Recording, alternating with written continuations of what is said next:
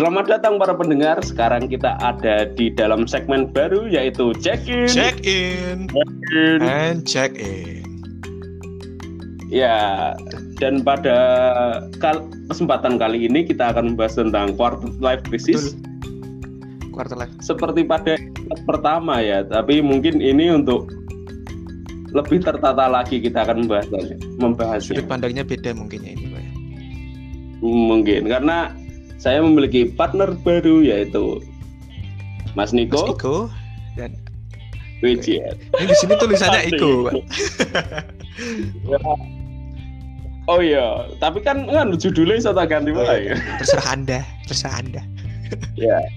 Untuk pertama, mungkin apa sih Nick quarter life crisis itu? Hmm, Menurut definisi definisi saya ya,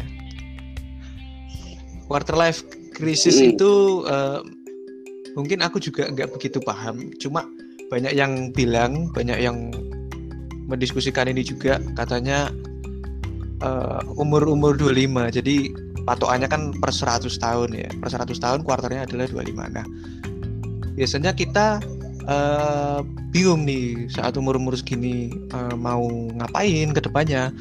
Terus punya paling enggak paling paling dasar adalah kita cenderung bingung untuk membentuk visi. Kadang visi kita eh, suka masih suka ganti-ganti. Besoknya visi ini, besoknya lagi visi itu, besoknya lagi visi ini. Nah, kalau menurutku quarter life crisis itu eh, ada hubungannya sama ya tingkat tingkat kedewasaan seseorang ya. Semakin orangnya sudah semakin orangnya dewasa, itu nanti dia tidak akan terlalu galau atau dilema atau mungkin ada juga orang yang sudah dewasa dalam umur segini 25 tahun jadi dia mungkin nggak ngerasain quarter life crisis atau mungkin dia menenyak merasakan quarter life crisis itu lebih awal sekitar umur 20-an setelah lulus biasanya lulus sekolah itu kan langsungan untuk pak. Mulai ada yang bisa kuliah ada yang nggak bisa nah yang nggak bisa itu kan biasanya langsung kerja. Nah kalau udah kerja pikirannya biasanya sampai ke pikiran sampai tua nah kayak gitu sih sekian dulu Jadi menjadi kuliah apa menjadi mahasiswa kuliah itu me- setidaknya menunda kecemasan Ya, itu ya. bisa dikatakan Bisa seperti dibilang. itu karena Karena Iya. Jadi, tak- tak lanjut, lanjut. aku sih aku sih ya. karena karena karena eh, Cut, kata-kata temen kata teman-temanku kata biasanya aku circleku itu ada beberapa circle mereka itu ngerasain bahwa waktu kuliah sama waktu kerja itu rasanya beda. Bener-bener kayak eh, beda dunia. Jadi mungkin yang dirasain oleh anak sekolah lulus langsung kerja itu sama eh, kayak yang dirasain mahasiswa lulus langsung kerja. Jadi poinnya di waktu dia bekerjanya nuansanya itu dunianya berbedanya di situ. Eh kesamaannya kok berbeda. Waktu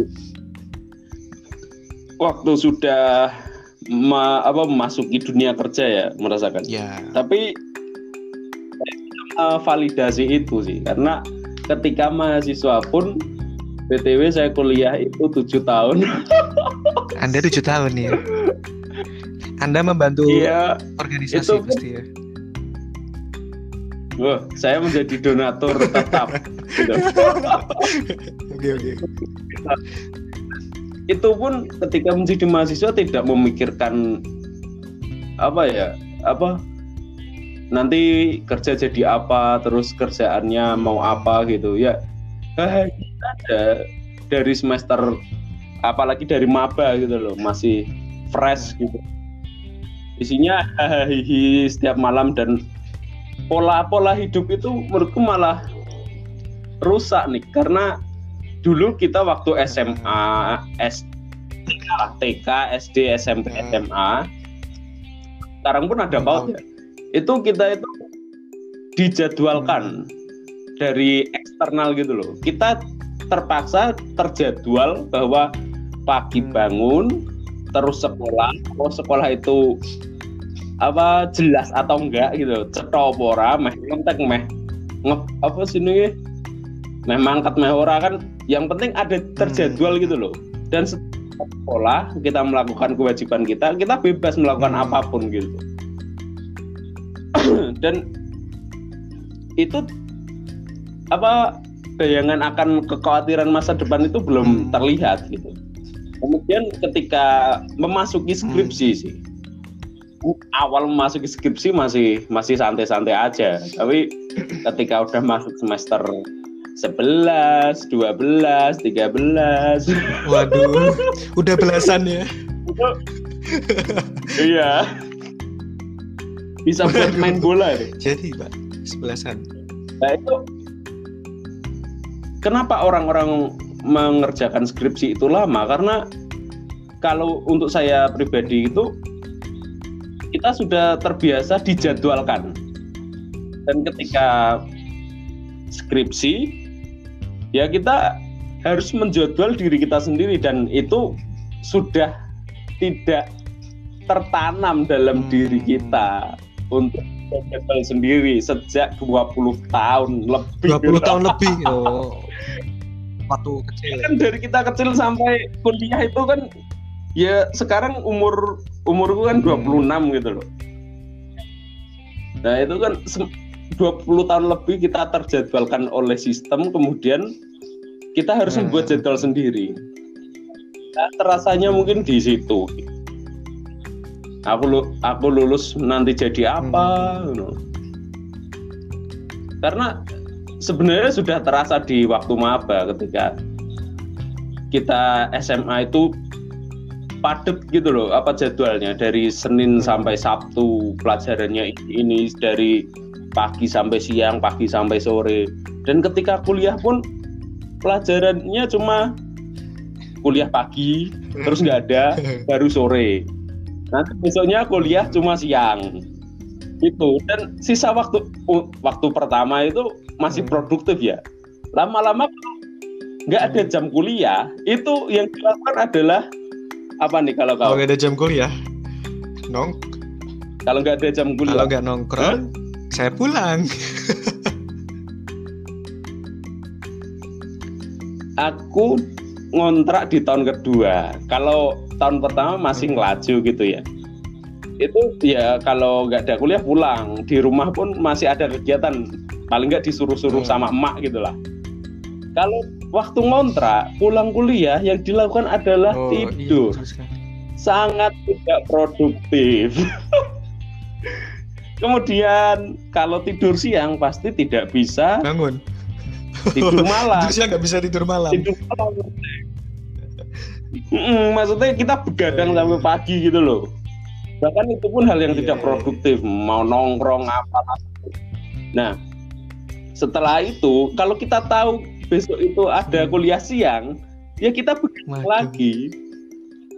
Ya, kita memiliki tuh apa memiliki waktu yang sangat banyak, tetapi malah buat tidur, buat nongkrong, dan ketika ada tugas dikerjakan menggunakan ilmu Apa itu? Bandung Bondowoso. Satu malam.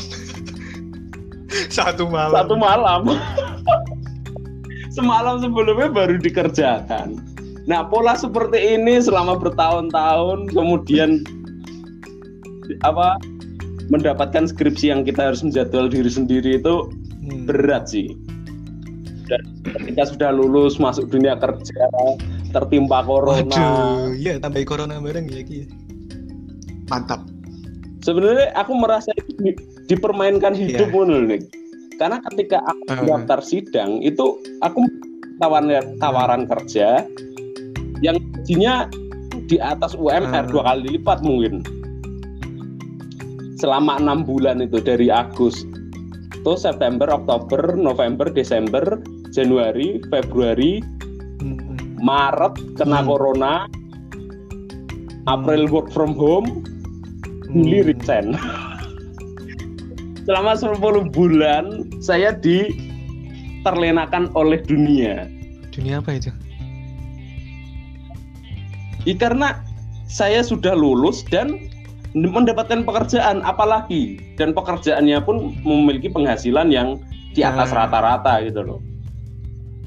Itu tidak terasa quarter life crisis. Kemudian corona itu datang das. Penghasilan Hmm. berkurang drastis merasa menjadi beban Oh. keluarga lagi gitu. Oh, quarter life crisisnya salah satunya adalah menjadi beban ke keluarga menurut Anda, Pak. Buat Anda.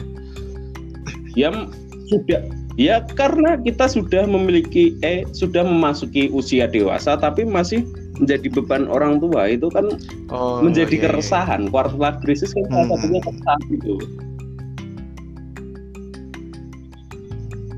Gimana nih kalau tanggapanmu?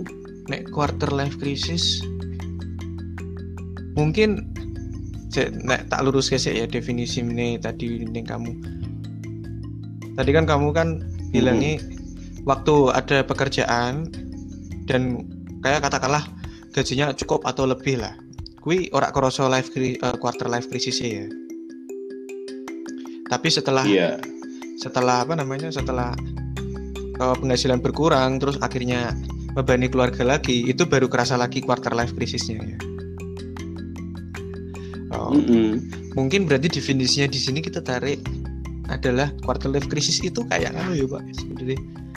Eh, kita tuh ada keman apa kemandirian gitu loh mudah nggak maksudnya? Kayak misalnya misalnya aku iso urip dewe nggak nggak bakal kerasa life crisis apa quarter life crisis.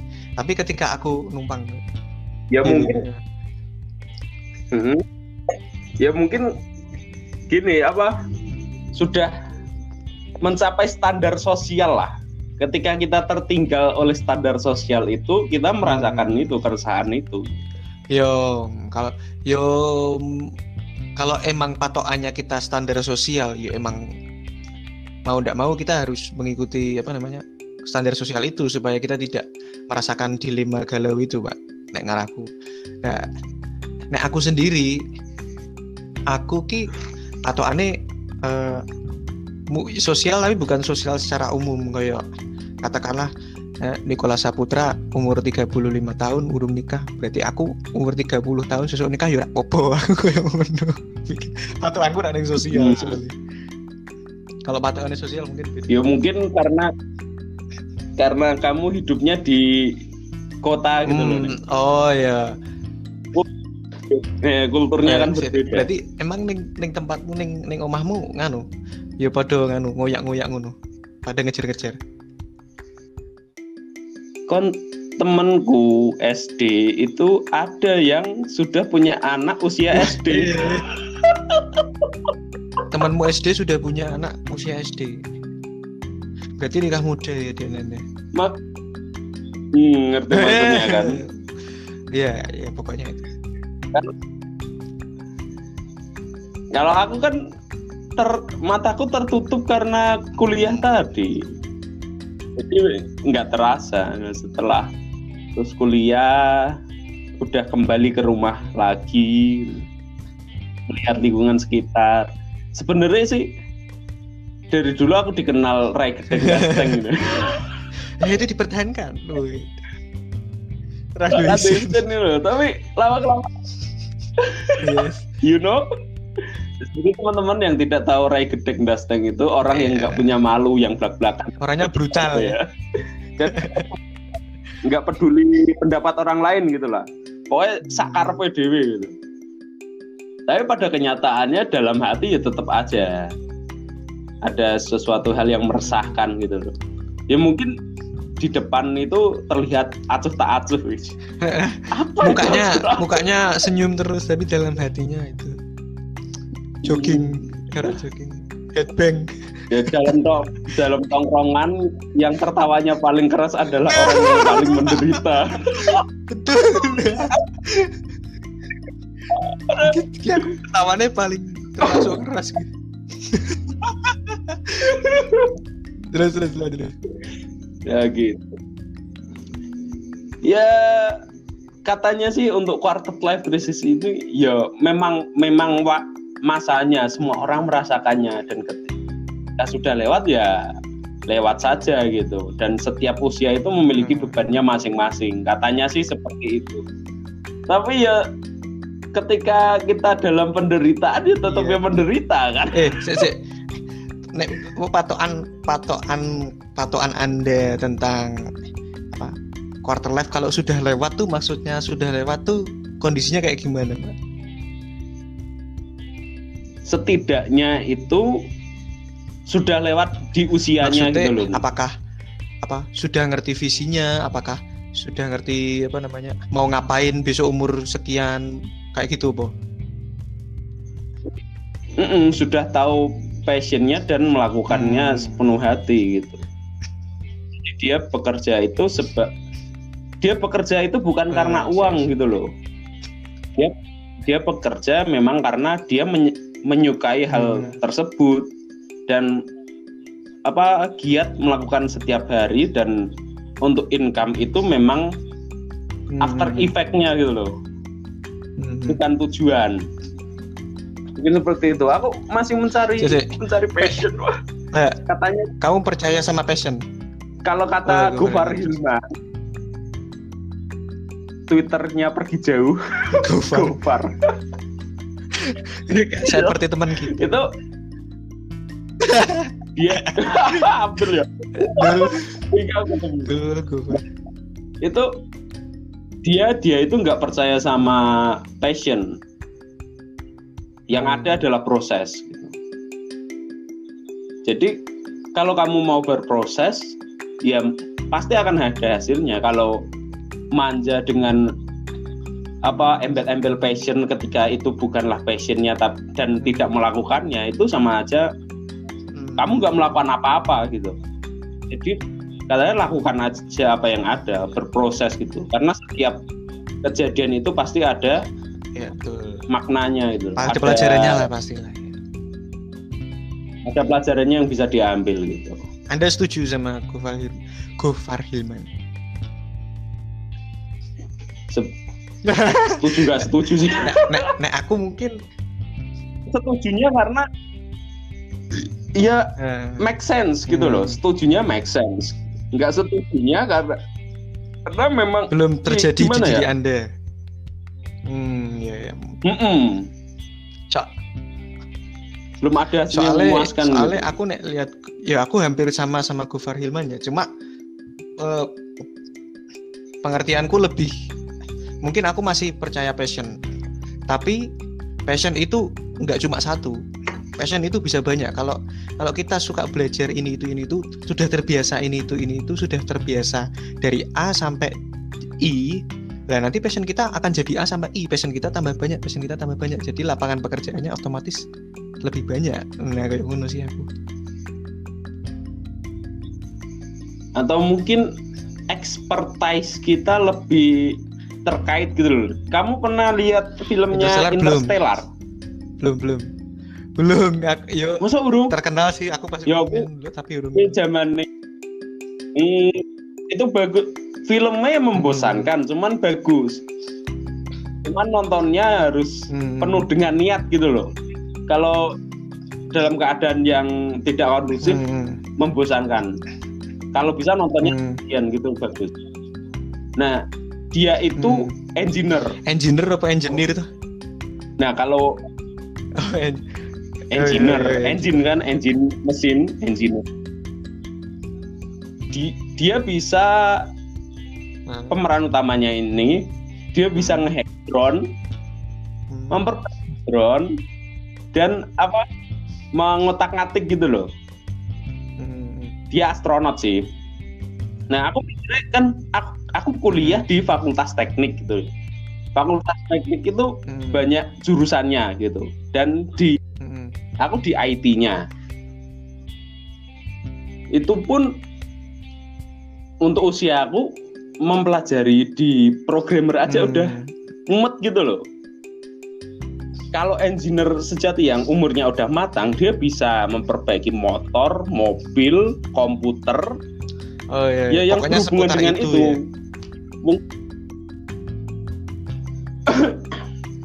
Iya dari permesinan Hmm. sampai pemrograman gitu loh. Jadi kan kalau mungkin ketika kita sudah mm, mencapai usia matang itu yang kita kuasai basic itu bisa merembet ke Hmm. mana-mana yang terkait. Seumpama aku Nah, di programmer gitu ya. Nah, mungkin bisa nanti ke bagian seperti interstellar tadi jadi astronot. Anda naik ke angkasa nanti nggak pulang nanti, Pak. pulang-pulang anaknya udah jadi mbah-mbah. Spoiler alert. Oh itu, Itu spoiler. spoilernya Interstellar. Karena nganu apa waktu di bumi Iya, sama iya, waktu di luar angkasa itu beda gitu. Teori teori fiksinya kan gitu jadi dua jam di sana di sini udah 20 tahun bisa ya kembali lagi Iya. ke quarter life crisis ya ya mungkin itu mencari mungkin bukan mencari sih aku aku Hmm. kepikiran cuman ya belum kulakukan mungkin menentukan kalau Hmm. kita mencari kan mendapatkan gitu ya. Kalau menentukan kan Kit- kit- dari kita, kita sendiri, jurinya, kita mau jadi apa gitu. Iya, karena karena kalau mencari ya Hmm. siapa yang buang gitu. Mungkin dari proses kehidupan nanti kita sudah mendapatkan resource. Kalau cerita sedikit cerita lagi, aku suka main game survival kan isinya nyari kayu, batu, besi, biji besi dan sebagainya untuk Ah, membuat senjata, pertahanan hidup, membuat dan sebagainya. Mungkin di usia quarter life Hmm. itu kita masih looting. Ap- apa apa aja yang bisa kita dapat, kemudian biasanya kan kita akan jadi apa gitu. Apa yang kita punya, itulah yang kita manfaatkan kan untuk masa kan depan. di game itu kan biasanya itu. ada levelnya juga tuh pak nanti ketika naik level terus bisa bangun yang lebih bagus lagi bisa bangun yang lebih beda lagi bangunan beda lagi bangunan beda lagi ya sih? ya kan ketika kita shooting pun itu Nah, juga experience. menaikkan XP kan experience Experience. mungkin untuk untuk usia-usia sekarang orang-orang yang memiliki quarter life crisis betul perbanyak Betul. pengalaman dan mungkin kayak gitu. gini lah ini ada ada dua eh, quote bukan quote juga ya pelajaran atau ajaran dari beberapa orang bos orang yang jadi bos yang bener bukan bos sih yang jadi pemimpin yang dia itu merintis dari kecil apa eh, perusahaannya sendiri jadi itu dia bilang kamu kalau mau jadi pemimpin kamu kalau mau jadi bos kamu kalau mau jadi raja kamu harus tahu rasanya jadi budak kalau raja. Kamu harus tahu rasanya jadi OB kamu harus tahu rasanya jadi apa namanya kurir. Kalau kalau aku nah aku kan nganu ki bisnis pizza ya. Aku wis tahu ngerasa kayak jadi kurir gawe produksi pizza gawe produksi donat terus eh, customer service wis tak rasake administrasi wis tak rasake marketing advertising sama apa tuh namanya? Eh, ah, ya wis pokoknya beberapa hal-hal dasar kuwi itu harus kita Iya. harus mengua paling enggak enggak harus Iya. menguasai bagus ya. Paling enggak kita kenal dulu tahu mekanismenya dulu nanti baru kita akan eh, punya pem, apa, punya pandangan yang lebih luas lagi. Beda kalau misalnya aku jadi bos tapi aku belum pernah kurir. Nanti mungkin aku nggak mau tahu kurir kayak gimana misalnya aku belum pernah jadi customer service aku nggak tahu apa nggak mau tahu pokoknya customer serviceku kudu gini gini gini gini, gini lah kayak gitu. Dan biasanya kalau kayak gitu eh, nanti Mm-mm. eh, saran-saran dari kita keputusan yang kita ambil dari sebagai bos sebagai atasan sebagai pimpinan itu ndak ndak sinkron sama eh, kondisi di lapangan kayak gitu pak. Nah makanya kalau nek kue tahu ndelok Vikings lah film Vikings itu berseason-season sih.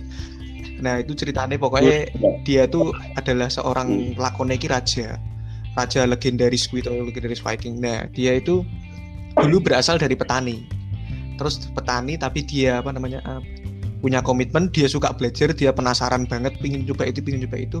Akhirnya KB di ram apa di- sudah di apa sudah dijalani semua udah tahu pernah ini pernah ini pernah itu pernah itu. Akhirnya terakhir dia ngajak gelut rajoni karena dia juga sudah suka berlatih apa namanya bela diri juga. Akhirnya dia menang lawan raja nih akhirnya dia jadi raja. Nah ketika dia jadi raja dia bisa memanajemen semua satu kotanya itu ki lebih baik dari raja sebelumnya.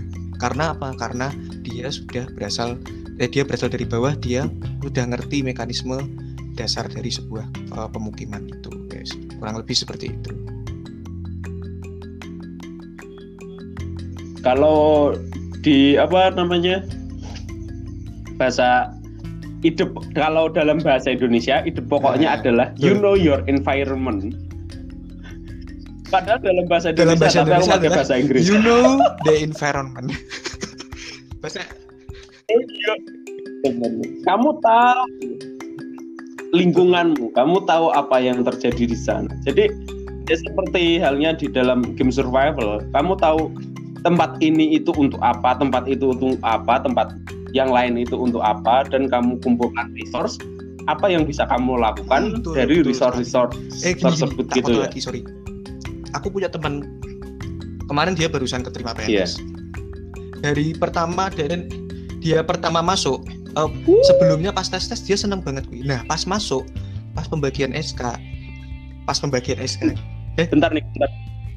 Dia sebentar. aduh Dia adalah menantu idaman. Oh, untuk para ibu-ibu yuk lanjut. ibu-ibu yang sudah tua saya saru saru ini mulut bocor nah dia itu cerita Ya, yuk lanjut. ketika aku pas Hmm. nerima SK kok aku rasanya kayak itu ya kayak mendadak bimbang mendadak galau mendadak tidak siap untuk langsung terjun di pekerjaan PNS itu. Nah, setelah dikorek-korek, ternyata kendalanya adalah ya dia barusan masuk, dia belum tahu lingkungannya di PNS seperti apa, belum tahu nanti yang dikerjain apa aja, besok ke depannya kayak gimana, terus nanti yang dibutuhin apa aja. Jadi dia kayak seolah-olah masih meraba, masih buta. Jadi dia meraba-meraba. Nah, itu hampir sama kayak menurutku kayak quarter life crisis. Quarter life crisis itu ketika kita eh, quarter life crisis terjadi ketika kita belum punya eh, sudut pandang yang luas. Kita sudut pandangnya masih kecil, masih pokoknya nek maem panganane mung sego mbek ndok wis ora is ora, ora ngerti carane gawe sop, ora ngerti, ora ngerti carane gawe bayem ngono. Padahal itu baik. Padahal hmm, padahal ada pizza mamaku ya. Kenapa punya ya nasi bisa sama bikin roti ya kan bisa bikin roti bisa bikin nasi. Makanan tidak cuma dari nasi sama telur. Iya. sama kayak hal survival tadi sih yang buat cerita Ki. itu kan pertama-tama kan kita masih baru terjun di dunia itu jebret. Mm-mm. kita kan masih meraba-meraba. Kayak kita masih bingung nih mau ngapain. Karena belum tahu lingkungannya seperti apa. Yang ini bisa dibuat untuk apa bisa dibuat untuk apa. Jadi sudut pandangnya masih kecil. Makanya itu kita bimbang kita galau. Lah mungkin salah satu penyebab quarter life krisisnya adalah menurut saya itu karena kita sudut pandangnya masih belum seluas kehidupan yang sa- yang realitanya Atau mungkin bisa ditarik kesimpulan bahwa quarter life crisis Ya, terjadi ya, salah karena satunya. kurangnya pengalaman ya. Ya kembali XP. lagi ke game survival sih, kurangnya XP tidak bisa Eh, mencapai kurang explore dia masih kan. sebenarnya masih di satu kawasan itu doang kan? Aduh explore lebih, lebih jauh lagi. Harus Tuh, menaikkan ya, mungkin experience nggak usah terus. explore terlalu besar ya. Mungkin explore di satu kawasan tapi bener-bener ahli di bidang itu. Hmm. mungkin dia bisa bisa memanfaatkan yang ada juga gitu kan. Ya sebelum kita ahli dalam satu bidang kan kita harus eksplorasi dulu bidang Hmm. apa pun yang kemudian cocok ini ya ini nih. akhirnya yang eh tapi tapi aku seperti itu ya. dulu aku punya passion main musik aku pengen jadi artis paling di artis nganu lah pemain pemain musik pengiring lagu pengiring pengiring artis kayak ngono ta apa tuh biar apa Keno biar- Hika. Keno Hita apa? Keno Heta Asa. Kalau Plesetan. You know hentai. Waduh. Keno Heka You know Henta Jauh. Jauh Eh urung vokalis lah. wes rapi Bro. eh wes rapi dong Siti ya. Anu, mempersiapkan Mbok mbek sapa saiki? Mbok jek mbek sing Masih biyen meraba-raba ya? Nek kok meneh. Enggak. aduh kayak es Kom- putus kom- hubungan loh cuma ora bahas kuwi. Lah ning ning DP-ne nganu Hmm, DP-ne urung mbek cowok ya. Ya ora- mungkin rak harus nih DP ya.